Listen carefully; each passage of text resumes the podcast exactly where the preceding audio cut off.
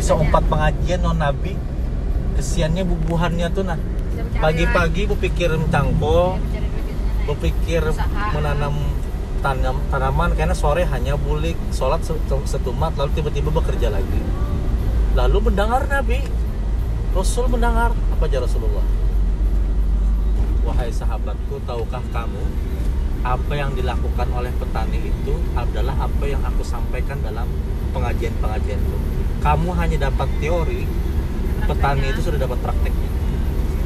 Jadi bahasa pahala itu beda ya kan?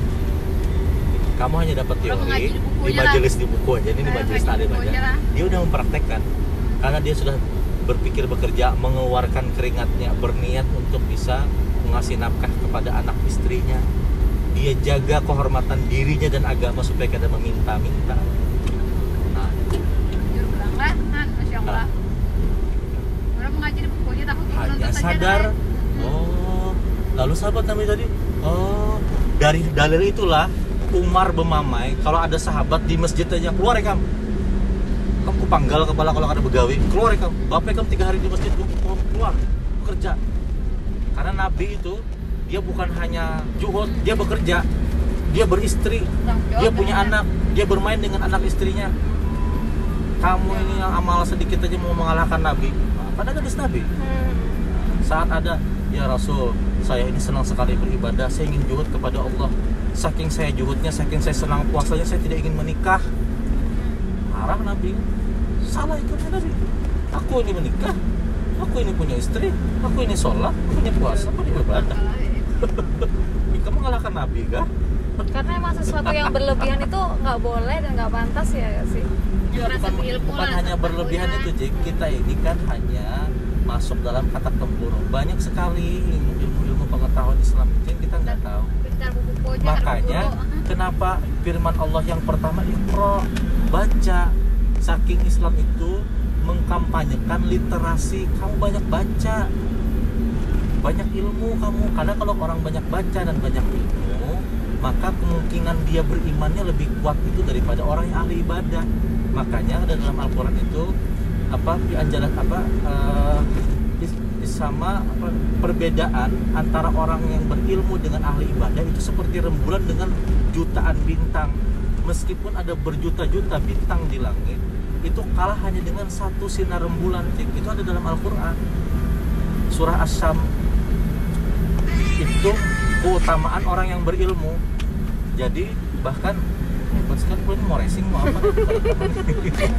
Lihat di posisi ini Miring-miring kan. udah pakai batik biru. Keren keren lah gaya yang sudah tadi. Itu cek hebatnya. Jadi zikir atau tafakurnya orang yang berilmu itu mengalahkan ibadah 25 tahun orang yang ahli ibadah. 25 tahun ya? Nah, bayangkan. Itu makanya sama dengan misalnya Allah menetapkan Lailatul Qadar 7 81 tahun Nabi Sam'un berperang melawan musuh Allah di muka bumi tanpa berhenti. Tanpa berhenti Nabi Sam'un ya Samson yang dalilah itu ya. Nabi Sam'un itu tetapi ibadahnya 81 tahun hanya dikalahkan dengan satu malam Lailatul Qadar di bulan Ramadan. Ayo sedangkan umur umur, umur yang umat. Nabi cuma 62, 63, 65 jarang dapat bonus di atas 65 jadi aku belajar pikir bekerja itu Renai bah dulu aku kan sempat ya bapak aku kalau muslim aku mau hampir aja. Karena aku merasa ibadah terganggu merasa Ya. terganggu. Karena aku merasakan apa aktivitas hari bukan ibadah. Ternyata banyak sekali hadis-hadisnya yang berkaitan dengan itu bekerja. Jadi jadi kerja itu ibadah yang luar biasa. Bekerja itu ibadah yang luar biasa kalau kita tahu dalilnya makanya abang mau menggagas fikih bekerja ya Iya, karena aku sudah menggagas fikih anti maladministrasi di disertasiku ini.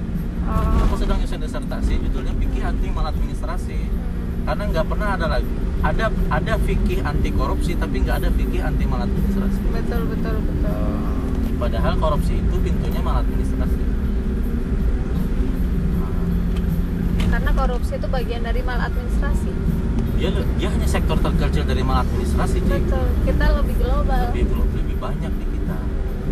Karena ada yang nggak korupsi tapi merugikan, ya maladministrasi tidak melayani, nepotisme penyimpangan prosedur nah, itu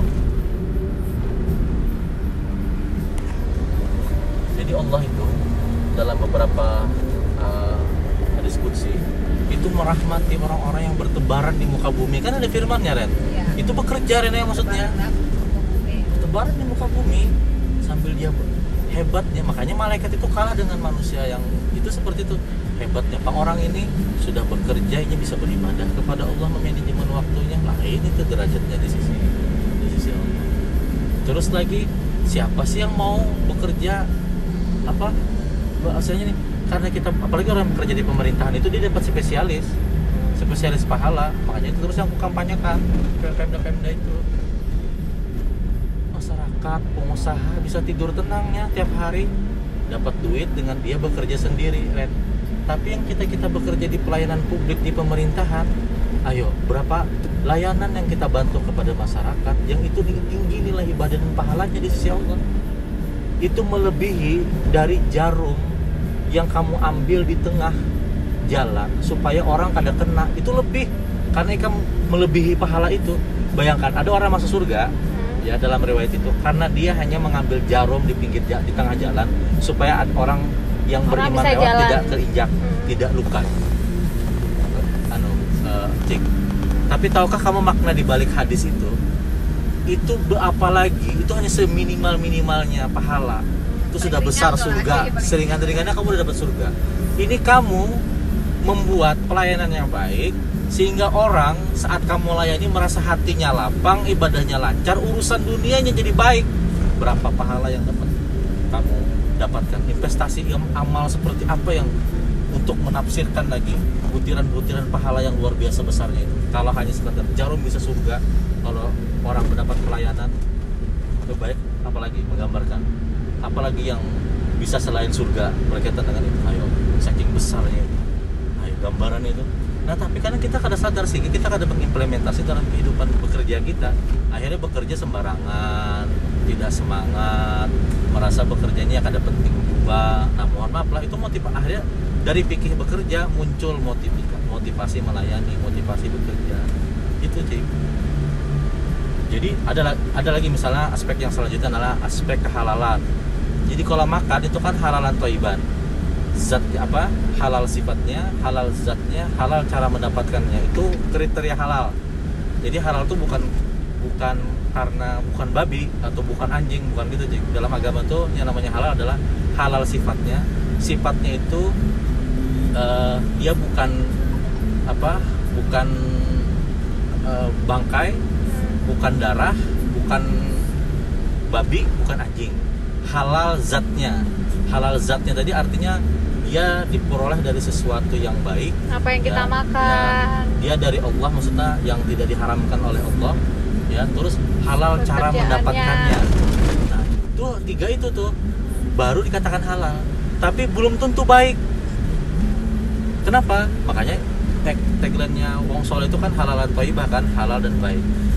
Muslim itu tidak cukup hanya dengan halal ini sudah jelas dari tiga kriteria halal sudah baik. Baik jadi kenapa? Baik bagi tubuh. Kalau makanan itu basi tetap halal. Cik tapi nggak baik bagi tubuh.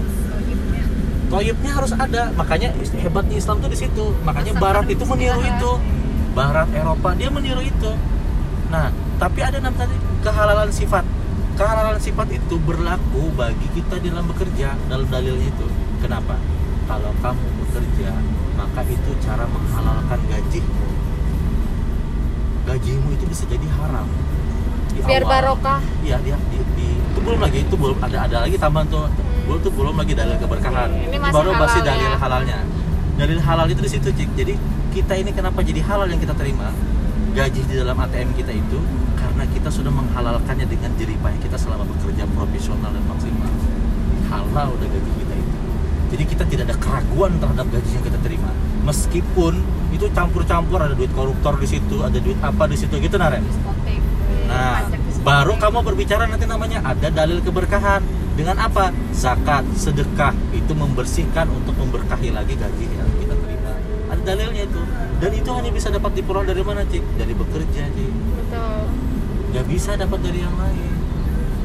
Makanya Nabi itu nggak ngoyo-ngoyo mau bikin apa? Bikin kekhalifahan Islam di zaman Nabi itu ada nubuah Nabi itu itu karena beliau bekerja iya kan? Seandainya nggak itu nggak ada sistem